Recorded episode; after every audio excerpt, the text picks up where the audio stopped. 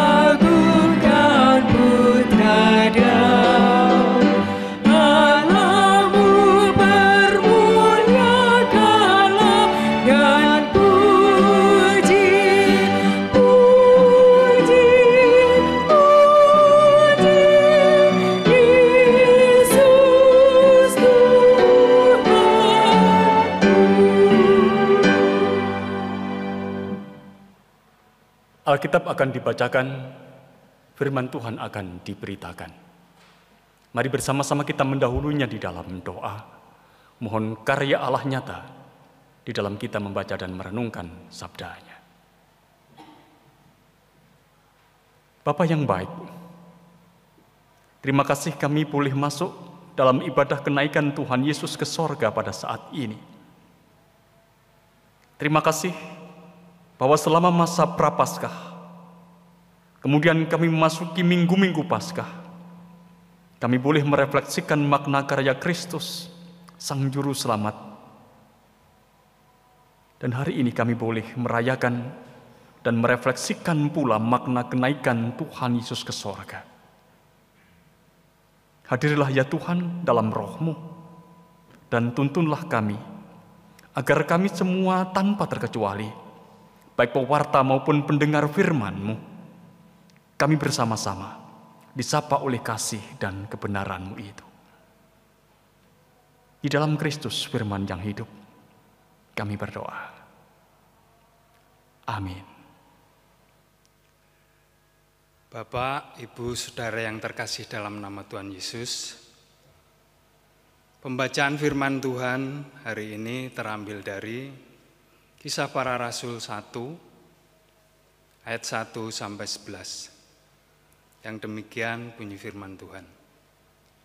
Roh Kudus dijanjikan. Hai Theophilus, dalam bukuku yang pertama aku menulis tentang segala sesuatu yang dikerjakan dan diajarkan Yesus. Sampai pada hari ia terangkat, sebelum itu ia telah memberi perintahnya oleh roh kudus kepada rasul-rasul yang dipilihnya. Kepada mereka yang menunjukkan dirinya setelah penderitaannya selesai. Dan dengan banyak tanda yang membuktikan bahwa ia hidup. Sebab selama 40 hari ia berulang-ulang menampakkan diri dan berbicara kepada mereka tentang kerajaan Allah. Pada suatu hari ketika ia makan bersama-sama dengan mereka, ia melarang mereka meninggalkan Yerusalem dan menyuruh mereka tinggal di situ menantikan janji Bapa. Yang demikian katanya, telah kamu dengar daripadaku. Sebab Yohanes membaptis dengan air. Tetapi tidak lama lagi kamu akan dibaptis dengan roh kudus. Maka bertanyalah mereka yang berkumpul di situ. Tuhan, maukah engkau pada masa ini memulihkan kerajaan bagi Israel? Jawabnya, Engkau tidak perlu mengetahui masa dan waktu yang ditetapkan Bapa sendiri menurut kuasanya. Tetapi kamu akan menerima kuasa kalau Roh Kudus turun ke atas kamu. Dan kamu akan menjadi saksiku di Yerusalem dan di seluruh Yudea dan Samaria dan sampai ke ujung bumi. Sesudah ia mengatakan demikian, terangkatlah ia disaksikan oleh mereka. Dan awan menutupinya dari pandangan mereka. Ketika mereka sedang menatap ke langit, waktu ia naik itu, tiba-tiba berdirilah dua orang yang berpakaian putih dekat mereka. Dan berkata kepada mereka, Hai orang-orang Galilea, mengapa kamu berdiri melihat ke langit? Yesus ini yang terangkat ke surga meninggalkan kamu. Akan datang kembali dengan cara yang sama seperti kamu melihat dia naik ke surga. Demikian firman Tuhan. Yang berbahagia adalah yang mendengar dan melihara firman Tuhan dalam hati dan hidupnya. Amin.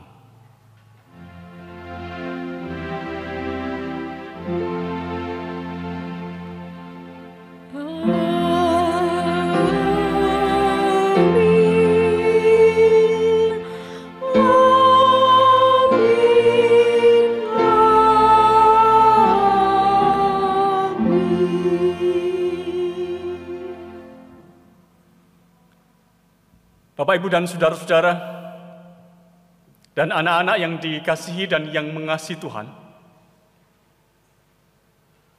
dengan segala kesukacitaan pada saat ini, kita boleh merayakan hari kenaikan Tuhan Yesus ke sorga di tengah keluarga kita masing-masing.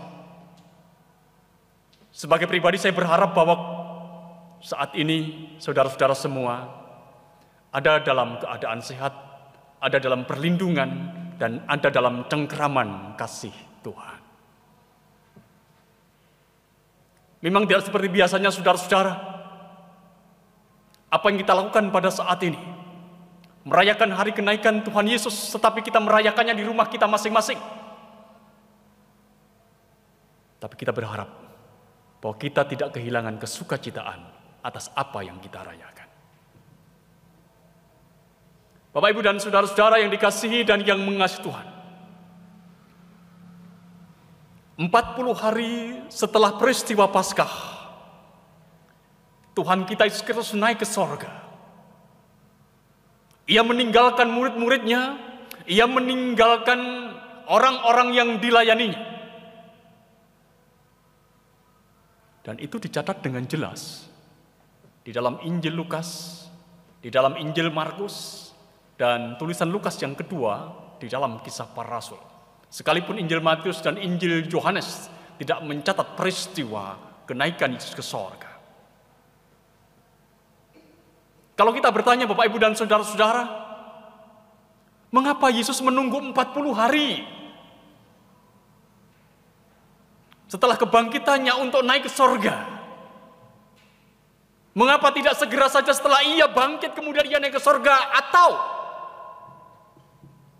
Mengapa ia tidak menunggu waktu yang lebih lama, misalkan satu tahun, atau dua tahun, atau lima tahun, atau sepuluh tahun setelah kebangkitan ia baru naik ke sorga? Mengapa? Ia menunggu empat puluh hari sebelum ia naik ke sorga. Di dalam Alkitab, kita banyak tahu angka 40 ini sering dicatat. Angka 40 itu sering menunjuk pada satu periode yang cukup untuk sebuah perubahan. Angka 40 itu sering menunjuk pada periode yang cukup bagi seorang atau komunitas untuk kemudian masuki era baru di dalam kehidupannya. Bangsa Israel, saudara-saudara. Selama 40 tahun mereka di padang gurun. 40 tahun. Ini menunjukkan kepada kita bahwa bangsa Israel itu punya waktu yang cukup untuk mempersiapkan diri sebelum pada akhirnya mereka masuk ke Kanaan.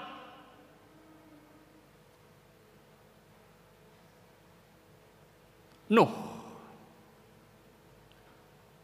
di dalam bahtera pada peristiwa air bah yang besar itu. Dia selama 40 hari di bahteranya.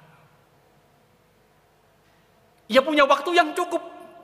Untuk apa? Untuk mempersiapkan diri sebelum pada akhirnya dia masuk ke era baru. Era kehidupan setelah peristiwa air bah. Tuhan Yesus 40 hari ia berada di padang untuk berpuasa sebelum memasuki masa pelayanannya. Kita boleh mengatakan bahwa selama 40 hari Yesus punya waktu yang cukup untuk mempersiapkan diri sebelum pada akhirnya dia memasuki kehidupannya yang baru dalam pelayanannya bersama dengan murid-muridnya. Dan selama 40 hari pula saudara-saudara. Tuhan Yesus itu menampakkan diri kepada murid-muridnya. Belum pada akhirnya dia naik ke sorga, menunjukkan kepada kita bahwa Tuhan Yesus memiliki waktu yang cukup apa? Cukup untuk mempersiapkan murid-muridnya Sebelum pada akhirnya murid-muridnya harus memasuki sebuah zaman baru, sebuah era baru, yaitu era ketika ia tidak ada bersama dengan dia secara fisik. Bapak, Ibu, dan saudara-saudara yang dikasih dan yang mengasihi Tuhan. Meskipun Tuhan Yesus punya waktu yang cukup untuk mempersiapkan murid-muridnya. Bahkan ia mempersiapkan secara intens begitu rupa Mari perhatikan ayat yang ketiga dari kisah para rasul pasal yang pertama. Bacaan kita tadi. Kepada mereka, ia menunjukkan dirinya setelah penderitaannya selesai. Dan dengan banyak tanda, ia membuktikan bahwa ia hidup. Sebab selama 40 hari ia berulang-ulang menampakkan diri dan berbicara kepada mereka tentang kerajaan Allah. Selama 40 hari terus menerus Tuhan Yesus menjumpai murid-muridnya, menemaninya, mendempangnya, dan juga mengajarkan kepada mereka tentang kerajaan Allah. Namun kita tahu saudara-saudara, sesungguhnya peristiwa ini bukan peristiwa yang mudah untuk dialami. Karena apa? Karena ini adalah sebuah peristiwa perpisahan. Sebuah peristiwa perpisahan di antara guru dengan murid-muridnya. Perpisahan di antara orang-orang yang memiliki hubungan yang dekat secara emosional satu dengan yang lainnya.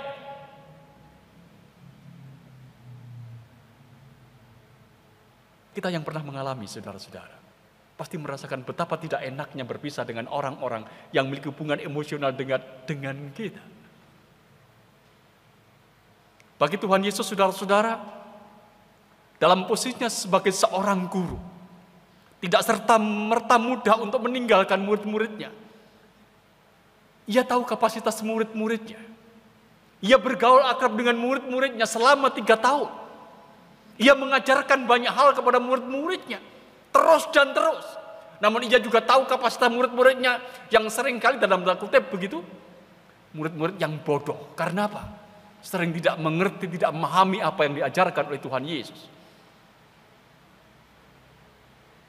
Kita bisa bayangkan apa yang ada dalam diri Tuhan Yesus. Meninggalkan murid-muridnya yang ada dalam kebodohan mereka yang tidak pernah mengerti apa yang menjadi pengajarannya. Apakah gampang? Saya meyakini saudara-saudara, sebagai pribadi, itu bukan perkara yang mudah. Bukan perkara yang mudah. Sedangkan bagi murid-muridnya saudara-saudara, lebih lagi. Mereka adalah pribadi-pribadi yang selama ini hidup bersama dengan Tuhan Yesus. Mereka tidak pernah berpisah dengan Tuhan Yesus. Perpisahan itu tentu akan mencemaskan mereka. Perpisahan itu tentu akan mengecewakan mereka. Bahkan mungkin perpisahan itu akan mengece membuat mereka terluka. Mereka saudara-saudara,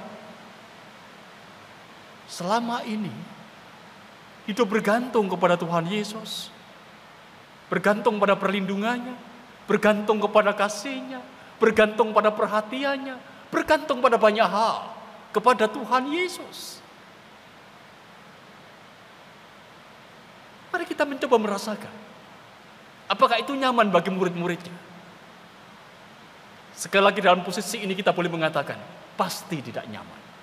Pasti tidak nyaman. Saudara-saudara, meskipun tidak mudah bagi Yesus, meskipun tidak mudah bagi para murid untuk berpisah, tapi perpisahan itu tidak bisa dihindari. Perpisahan itu tak menjadi peristiwa yang tidak bisa ditolak. Yesus naik ke sorga. Demikian diberitakan kepada kita. Di dalam ayat yang ke-9 tuliskan kepada kita. Sesudah ia mengatakan demikian terangkatlah ia disaksikan oleh mereka dan awan menutupnya dari pandangan mereka. Terangkatlah ia disaksikan murid-muridnya. Jadi fakta kenaikan Tuhan Yesus ke surga ini sudah sudah menempatkan murid-murid itu pada dua pilihan.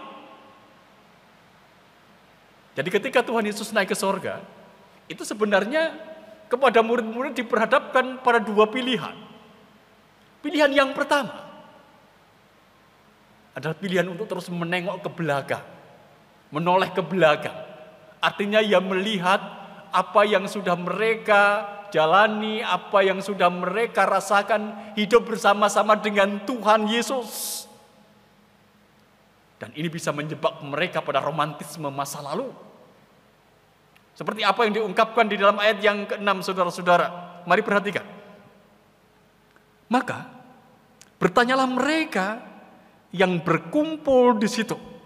Tuhan, maukah engkau pada masa ini memulihkan kerajaan bagi Israel? Ini pertanyaan mereka. Maukah engkau pada masa kini memulihkan kerajaan bagi Israel?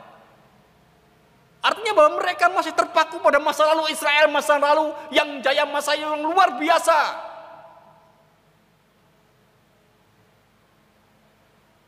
Itu pilihan pertama. Hanya menengok masa lalu.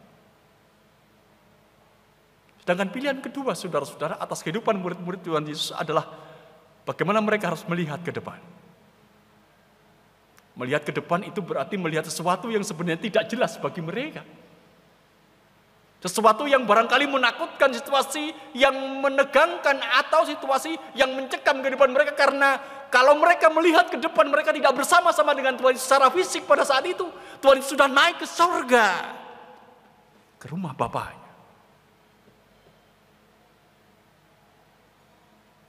Sebagai seorang guru yang meninggalkan murid-muridnya. Tentu Tuhan Yesus itu ingin murid-muridnya itu ada pada pilihan kedua. Tuhan Yesus ingin murid-muridnya itu berani menatap ke depan. Berani menghadapi masa depan sekalipun masa depan itu tidak pasti bagi mereka. Yang mungkin mencemaskan hati mereka. Oleh karena itu saudara-saudara, sebenarnya dengan kenaikan Tuhan Yesus ke sorga, ia telah menantang murid-muridnya. Supaya murid-muridnya mulai era baru dalam kehidupan mereka. Era baru hidup tanpa Yesus hadir secara fisik. Mereka harus berani melangkah, memulai sesuatu yang baru. Mereka harus berani untuk bersaksi tentang Sang Juru Selamat yang ada bersama dengan dia pada saat itu. Bersama-sama melayani banyak orang mereka harus berani untuk mewartakan kabar kebaikan Allah. Mereka harus berani untuk menyampaikan kepada dunia tentang kasih Allah yang besar. Dan dikatakan kepada kita dalam ayat yang ke-8, dan kamu akan menjadi saksiku. Dan kamu akan menjadi saksiku. Mari perhatikan ayat yang ke-8 saudara-saudara. Tetapi kamu akan menerima kuasa kalau roh kudus turun ke atas kamu dan kamu akan menjadi saksiku di Yerusalem dan di seluruh Yudea dan Samaria dan sampai ke ujung bumi. Dan kamu akan menjadi saksiku. Ini adalah perintah Yesus, ini adalah panggilan Yesus kepada murid-muridnya. Nah pertanyaannya saudara-saudara, bagaimana mereka itu bisa mewujudkan hidup yang bersaksi itu? Bagaimana mereka bisa mewujudkan kehidupan yang bersaksi itu sebagaimana panggilan Yesus. Sebagaimana perintah Yesus kepada murid-muridnya.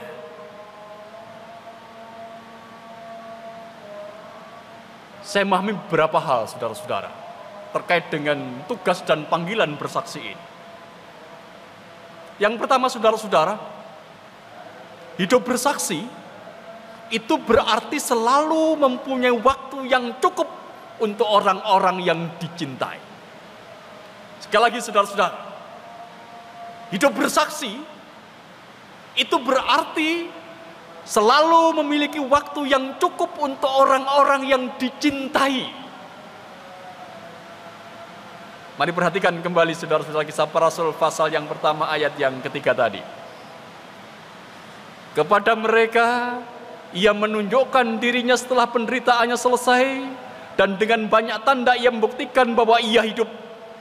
Sebab selama 40 hari ia berulang-ulang menampakkan diri dan berbicara kepada mereka tentang kerajaan Allah. Tuhan Yesus selama 40 hari hadir, mengajar dan mendampingi murid-muridnya. Tuhan Yesus punya waktu untuk orang-orang yang dicintainya. Begitu kan? Sebenarnya diungkapkan kepada kita dalam bahasa sederhana. Tuhan Yesus 40 hari mendampingi mereka. Tuhan Yesus punya waktu yang cukup untuk apa? Untuk mendampingi orang-orang yang dicintainya. Tuhan Yesus memiliki waktu yang cukup untuk hadir di tengah-tengah kehidupan orang-orang yang dicintainya dan itu adalah murid-muridnya. Oleh karena itu, kalau kita mau bersaksi tentang Yesus saudara-saudara, sebagaimana panggilan Tuhan, maka pertama-tama mari kita tengok. Mari kita melihat. Mari kita bersama-sama memahami siapakah orang-orang yang kita cintai dalam kehidupan kita. Oh, tentu banyak. Ada suami kita, ada istri kita, ada anak-anak kita, ada saudara-saudara kita, ada orang tua kita, atau saudara kita yang jauh. Tapi sekali lagi pertanyaannya sekarang adalah, apakah kita punya waktu yang cukup untuk mereka? Apa kita punya waktu yang cukup untuk mendengarkan mereka? Apa kita punya waktu yang cukup untuk mendampingi mereka? Apa kita punya waktu yang cukup untuk memperhatikan mereka? Apa kita punya waktu yang cukup untuk memperhatikan kebutuhan anak-anak kita? Apa kita punya waktu yang cukup untuk bermain dengan anak-anak kita? Ingat saudara-saudara, hidup bersaksi itu pertama-tama punya waktu yang cukup untuk orang-orang yang kita cintai. Sebagaimana Tuhan Yesus yang punya waktu yang cukup untuk murid-muridnya yang dicintainya. Inilah sebenarnya tidak tolak kesaksian Kristen. Bertolak dari kita punya waktu yang cukup untuk orang-orang yang kita cintai. Memang saudara-saudara kita tahu yang namanya kesaksian itu adalah kesaksian yang luas begitu. Sebagaimana diberitakan kepada kita dalam ayat yang ke-8 tadi, tetapi kamu akan menerima kuasa kalau Roh Kudus turun ke atas kamu dan kamu akan menjadi saksiku di Yerusalem dan di seluruh Yudea dan Samaria dan sampai ke ujung bumi. Ya, jangkauan kesaksian kita memang luas. Itu meliputi Yerusalem, meliputi Yudea, meliputi Samaria sampai ke ujung bumi. Tapi jangan pernah bermimpi bahwa kita akan menjangkau yang luas jika kita di dalam saja tidak pernah bisa menjangkau. Jangan pernah berharap saudara-saudara. Kita bisa bersaksi keluar jauh. Menjangkau Yerusalem. Menjangkau Samaria. Menjangkau Yudea. Menjangkau ujung bumi. Kalau dalam hidup kita ini kita belum mampu atau tidak mampu menyediakan waktu yang cukup untuk orang-orang yang kita cintai. Dalam bahasa sederhana saudara-saudara, pertama-tama marilah kita menjadi saksi Kristus di tengah-tengah keluarga kita masing-masing dulu. Baru setelah itulah baru kita akan bisa keluar. Supaya apa? Supaya kita tidak ditertawakan oleh orang lain. Bahkan ditertawakan oleh keluarga kita jika kita maunya saja menjangkau di luar sedangkan di, di dalam tidak pernah kita perhatikan atau kita tidak pernah punya cukup waktu untuk mereka. Ini kesaksian yang pertama. Punya waktu yang cukup untuk orang-orang yang kita cintai. Yang kedua, saudara-saudara, hidup bersaksi itu berarti dengan sengaja mau memasuki wilayah atau kondisi pelayanan yang baru. Sekali lagi, hidup bersaksi itu berarti dengan sengaja kita mau memasuki wilayah atau kondisi pelayan yang baru sebagaimana diungkapkan kepada kita dalam ayat yang ke-8 tadi. Tetapi kamu akan menerima kuasa. Kalau roh kudus turun ke atas kamu, dan kamu akan menjadi saksiku di Yerusalem dan di seluruh Yudea dan Samaria dan sampai ke ujung bumi.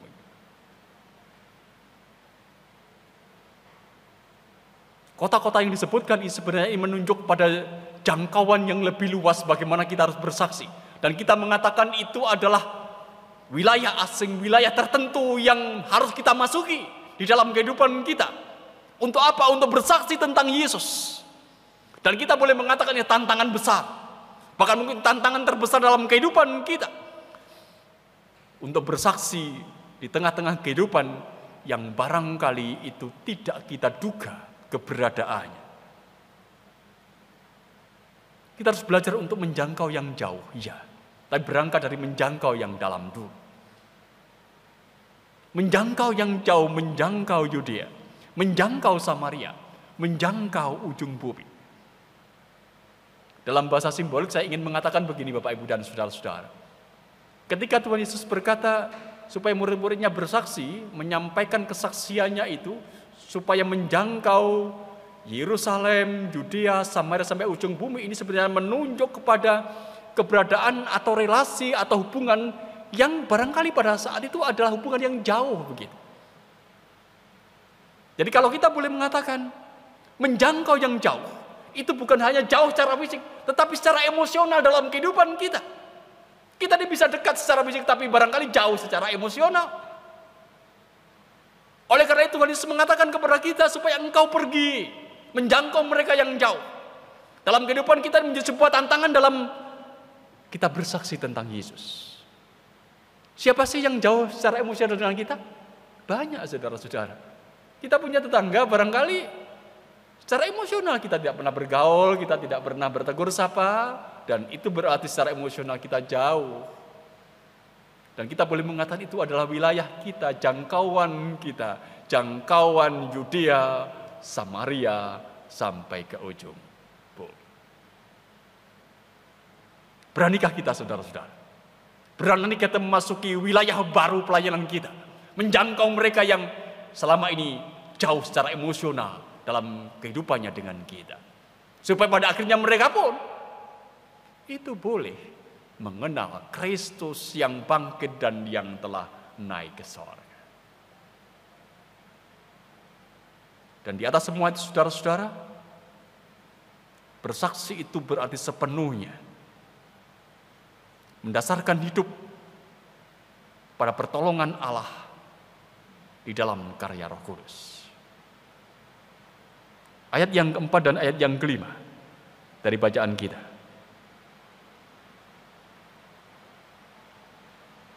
Pada suatu hari ketika ia makan bersama-sama dengan mereka, ia melarang mereka meninggalkan Yerusalem dan menyuruh mereka tinggal di situ menantikan janji Bapa yang demikian katanya. Telah kamu dengar daripadaku, Yohanes membaptis dengan air, tetapi tidak lama lagi kamu akan dibaptis dengan roh kudus. Hidup mendasarkan diri pada kekuatan roh kudus, pada kemampuan roh kudus, pada karya roh kudus. Itu adalah hidup yang bersaksi. Artinya dalam hidup ini jelas kita tidak mengandalkan keakuan kita, kemampuan kita, intelektualitas kita, ataupun juga apa yang ada dalam diri kita yang sebenarnya itu adalah kekuatan manusiawi yang sebenarnya jauh di bawah kekuatan Roh Kudus. Hari ini Bapak Ibu dan saudara-saudara yang dikasih dan yang mengasihi Tuhan, kita memasuki bulan kesaksian dan pelayanan Gereja Kristen Jawetan yang akan kita jalani mulai tanggal 21 Mei sampai 21 Juni tahun 2020 dan kita dipandu oleh satu tema yang jelas, Roh Kudus menjadikan kita saksi dan pelayanan Kristus. Roh Kudus menjadikan kita saksi dan pelayan Kristus. Saya memahami tema ini begini saudara-saudara. Jadi Roh Kudus itu akan menolong kita, memampukan kita untuk memberikan waktu kita cukup untuk orang-orang yang kita cintai. Roh Kudus itu juga akan menolong kita untuk berani menjangkau mereka yang jauh secara emosional dengan kita yang kita pahami ini adalah wilayah baru kita yang harus kita terobos sebagai bentuk kesaksian kita akan karya Kristus. Dan yang ketiga saudara-saudara, Roh Kudus itu yang memberi kekuatan kepada kita dan keberanian kita supaya kita boleh melakukan apa yang dalam kutip tidak mungkin. Sesuatu yang barangkali sangat-sangat besar.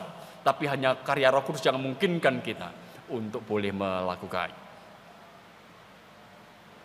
Mari kita mengisi, menjalani kehidupan kita di bulan kesaksian dan pelayanan ini. Dengan selalu mengingat karya roh kudus itu. Sekali lagi saudara-saudara, mari luangkanlah waktu kita.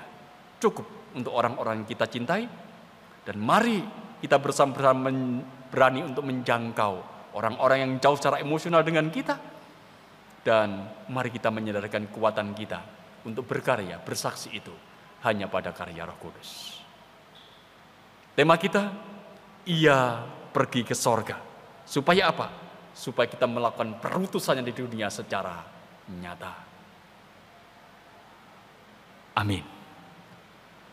Kita mengambil saat teduh.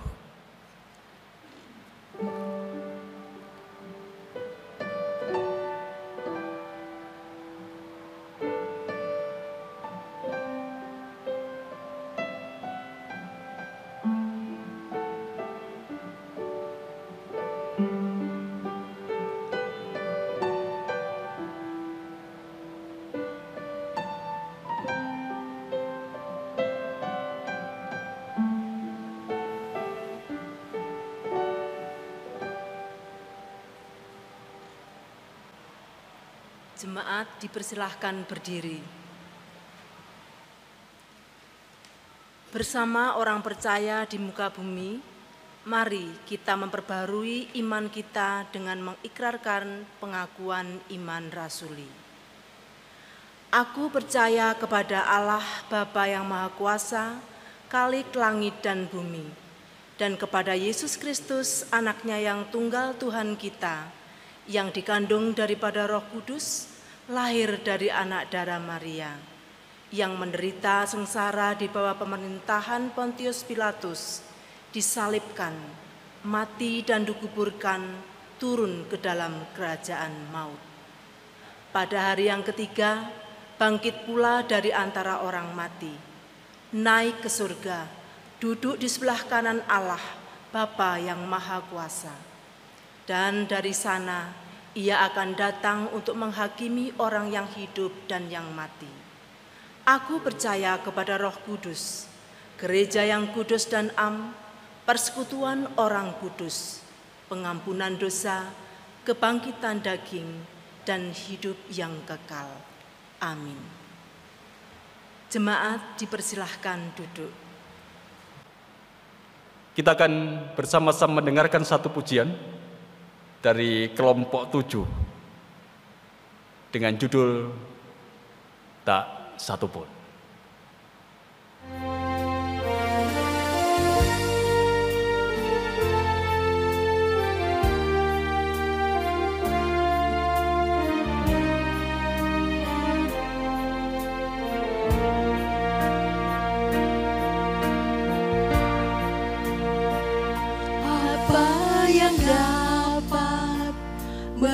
Memisahkanku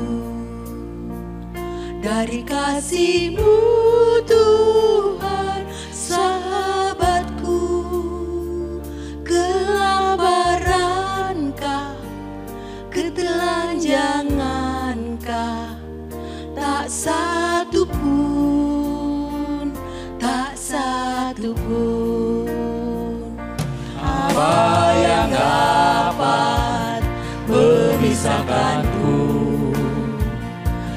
kasihmu Tuhan sahabatku. Aniayakan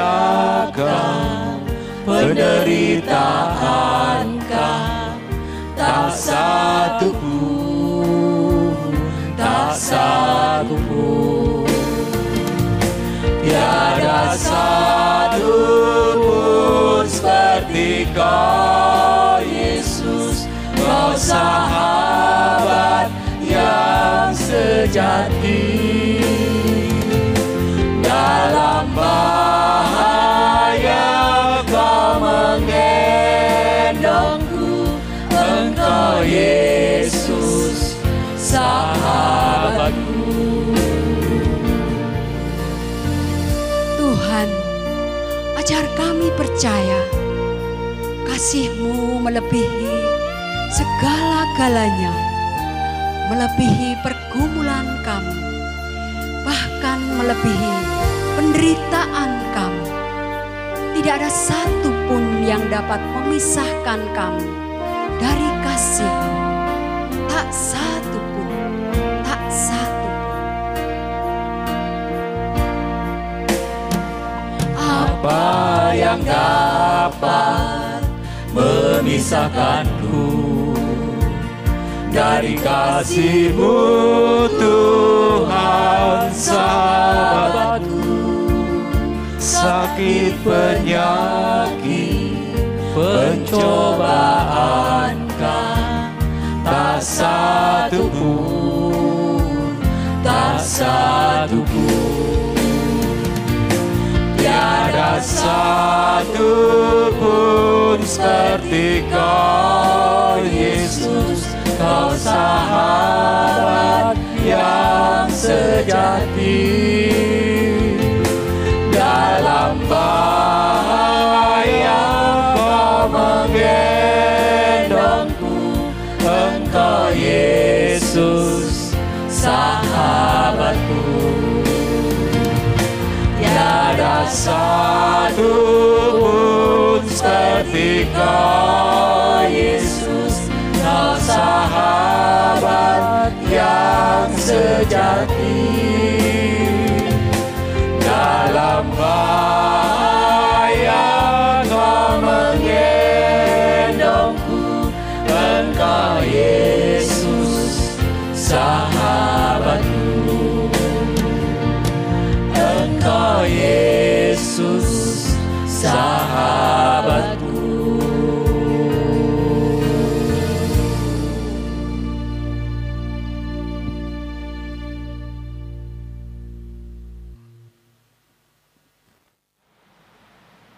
Mari bersama-sama kita kembali menghampiri tata Tuhan kita berdoa kita akan mengangkat doa syafaat kita. Mari berdoa. Di dalam syukur kami merayakan kenaikan Tuhan ke sorga. Kami datang dan minta darimu Tuhan. Karuniakan bagi kami roh hikmat, wahyu dari Allah untuk menuntun kami menjalani hidup sebagai saksi dan pelayanan Tuhan di dunia ini. Karuniakan bagi kami mata hati yang terang untuk menjalani kehidupan ini sebagai refleksi atas kehidupan Kristus yang ada dalam kehidupan kami. Sehingga hidup kami boleh memberkati dunia di mana Engkau menempatkan kami. Terima kasih kalau pada saat ini Engkau juga telah mewartakan sabdamu atas kami. Yang kami pahami sebagai ungkapan kata hatimu kepada kami mengingatkan kepada kami bagaimana kami harus menunjukkan hidup yang bersaksi kepada dunia. Dengan pertama-tama, kami selalu punya waktu yang cukup untuk orang-orang yang kami cintai. Kami belajar untuk berani menjangkau orang-orang yang jauh secara emosional dengan kami, supaya kami hidup dalam keakraban dan pada akhirnya boleh memperkenalkan Kristus. Dan kami juga boleh belajar bersaksi itu berarti menyadarkan hidup sepenuh-penuhnya pada kuasa Roh Kudus dan kami tidak mengedepankan kekuatan dan kemampuan diri kami sendiri. Biarkan apa yang boleh kami terima melalui firman akan boleh kami lakukan dalam kehidupan kami karena kami percaya Engkau yang akan berikan kekuatan kepada kami untuk mewujud nyatakannya. Bapak di sorga perkenankan pada saat ini kami juga berdoa untuk kehidupan pelayanan kami di Gereja Kristen Jawetan Jemaat Malang lebih-lebih ketika kami memasuki bulan kesaksian dan pelayanan gereja senjawetan. Tuhan yang akan memimpin kami, Tuhan yang akan mengarahkan kami. Bagaimana kami harus bersaksi dan melayani Engkau melalui kehidupan pelayanan yang ada di tempat ini dan bagaimana kami menyesuaikan dengan situasi dan kondisi yang berkembang dalam kehidupan kami. Biarkanlah apa yang menjadi wujud kesaksian dan pelayanan kami boleh menjadi berkat dan boleh diterima oleh dunia di mana engkau menempatkan kami. Sesungguhnya tidak mudah bagi kami, tapi kami percaya jika menyandarkan seluruh kesaksian dan pelayanan kami pada roh kudus, maka kami akan dimampukan. Dan kami akan boleh hidup menjadi berkat bagi yang lain. Berdoa pada saat ini untuk keluarga-keluarga kami, biarkanlah engkau yang akan tetap memberikan kesatuan kepada kami, berikan kepada kami roh cinta kasih, Tetap berikan kepada kami kemampuan untuk peduli satu dengan yang lain dan peka terhadap kebutuhan masing-masing. Dan engkau sebagai Allah kami yang akan berikan kepada kami kemampuan untuk berani tetap hidup mencinta sebagai satu keluarga di dalam Tuhan kami Yesus Kristus. Saudara-saudara kami yang pada saat ini ada dalam pergumulan, mereka yang sakit, ada dalam kelemahan, ada dalam masalah finansial, ada dalam masalah pekerjaan, hubungan relasional satu dengan yang lain, atau sedang dibelenggu oleh roh jahat, roh kegelapan, Tuhan yang menopang, Tuhan yang menguatkan, dan hanya boleh berharap kepada Allah, pada kuasa yang membebaskan mereka, sehingga mereka boleh keluar dari pergumulannya dengan kedewasaan imannya. Anak-anak kami yang ada dalam pertumbuhan kami serahkan kepada Tuhan supaya Tuhan sendiri memberikan roh kesabaran dan hikmat kepada setiap orang tua yang mendampinginya. Sehingga mereka di dalam kesabaran dan hikmatnya akan tetap boleh mengarahkan anak-anak hidup terarah kepada Kristus Sang Juru Selamat. Berdoa untuk pandemi virus corona yang saat ini melanda dunia. Tuhan juga yang turut menanganinya. Maka kami mohon kepada Tuhan supaya Tuhan berkati setiap upaya menangani virus ini. Baik itu dilakukan oleh pribadi lembaga, negara, ataupun juga oleh setiap penduduk di dunia ini. Mampukan mereka dan kuatkan mereka. Mampukan kami untuk hidup dalam satu kesatuan berangkulan satu dengan yang lain melawan pandemi ini supaya pada akhirnya kami juga boleh terbebas dari pandemi ini. Berdoa untuk bangsa dan negara kami yang juga sedang berupaya untuk menyelesaikan pergumulan terkait dengan pandemi ini. Tuhan juga akan berikan roh kebijaksanaan pada para negeri kami supaya mereka pada akhirnya boleh mengambil setiap kebijaksanaan yang sesuai dengan apa yang menjadi kehendak Tuhan menjadi sarana bagi kami untuk kembali mendapatkan pemulihan dan boleh merasakan kembali damai dan sejahtera. Berdoa untuk dunia global dalam pemulihan pandemi corona ini. Tuhan yang memimpinnya. Biarkanlah dunia ini adalah dunia ciptaanmu yang semuanya hanya ada dalam jangkauan tangan kasih Tuhan yang memungkinkan pada akhirnya mendapatkan pemulihan dan boleh hidup dalam kebahagiaan kesukacitaan bila tiba waktunya karena pertolongan Tuhan. Bapak di sorga, kami menyerahkan kehidupan pelayanan kami. Gereja Kristen Jawitan Jemaat Malang dan juga Gereja Kristen Jawitan secara keseluruhan di tingkat majelis darah ataupun juga majelis agung. Biarkanlah kami sebagai gereja Tuhan akan tetap dengan segala ketulusan dan kesungguhan boleh melayani Tuhan dengan segala kesukacitaan dan ungkapan syukur. Biarkan kami boleh menjadi berkat di tengah-tengah situasi sulit yang di dalamnya Engkau tempatkan kami. Bapa, kami sadar akan keterbatasan doa kami. Engkau sebagai Allah kami yang akan menyempurnakan doa kami sebagai Tuhan Yesus yang mengajarkan kepada kami berdoa. Bapa kami yang di sorga, dikuduskanlah namamu, datanglah kerajaanmu, jadilah kendakmu di bumi seperti di sorga. Berikanlah kami pada hari ini makanan kami yang secukupnya, dan ampunilah kami akan kesalahan kami, seperti kami juga mengampuni orang yang bersalah kepada kami.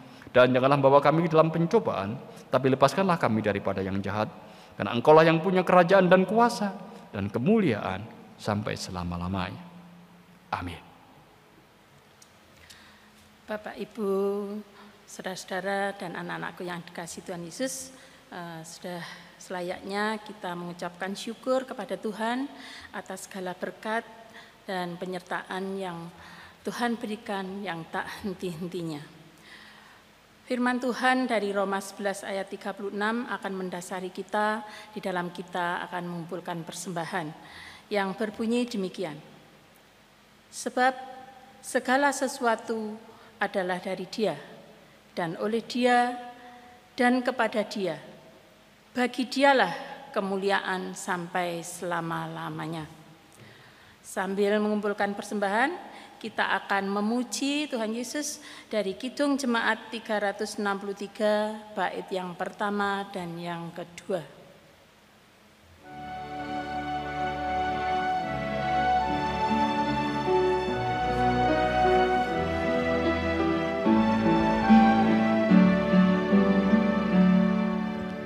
Bagi Yesusku serah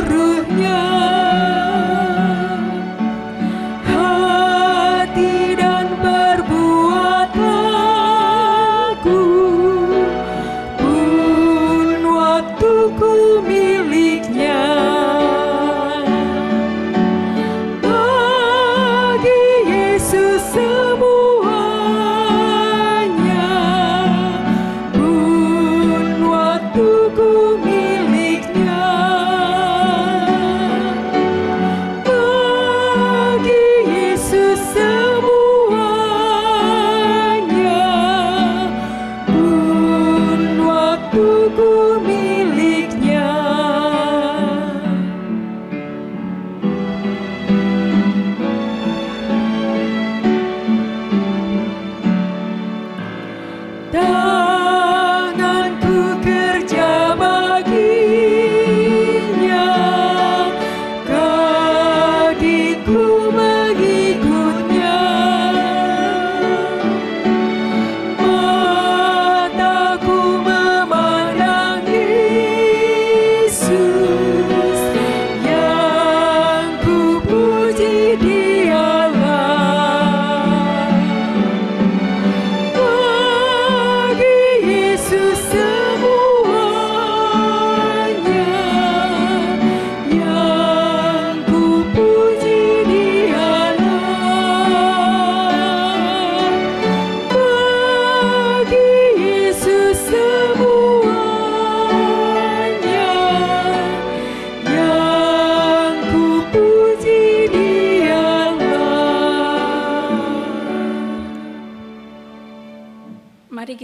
serahkan persembahan kita di dalam doa. Mari kita berdoa.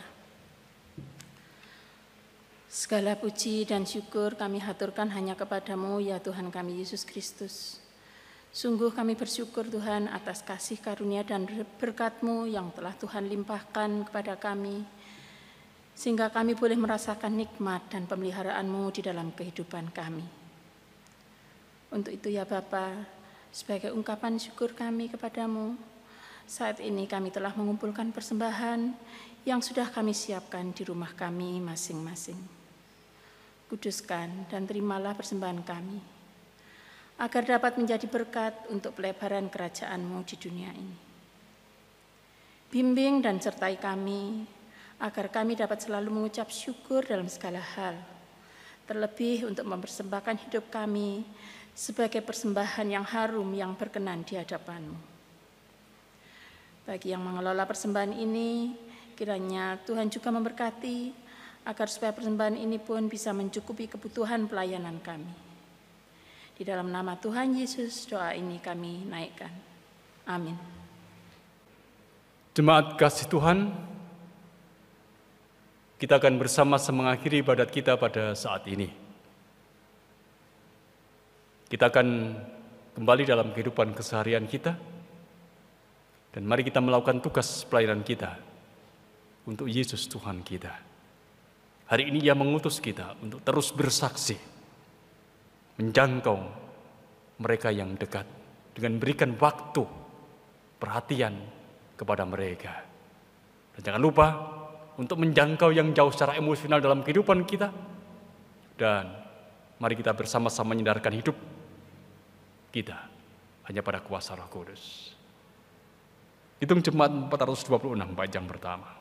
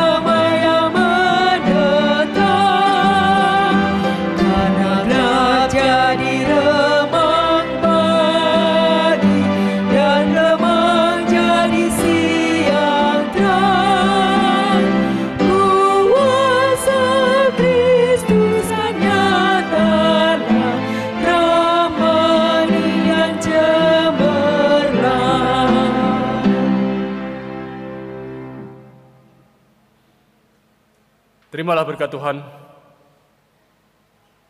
Allah Bapa Sang Pemurah melindungi engkau.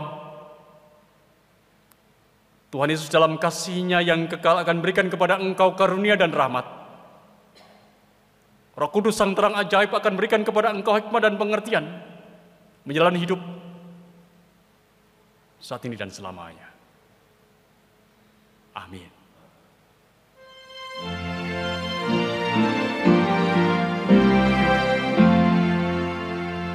Kepada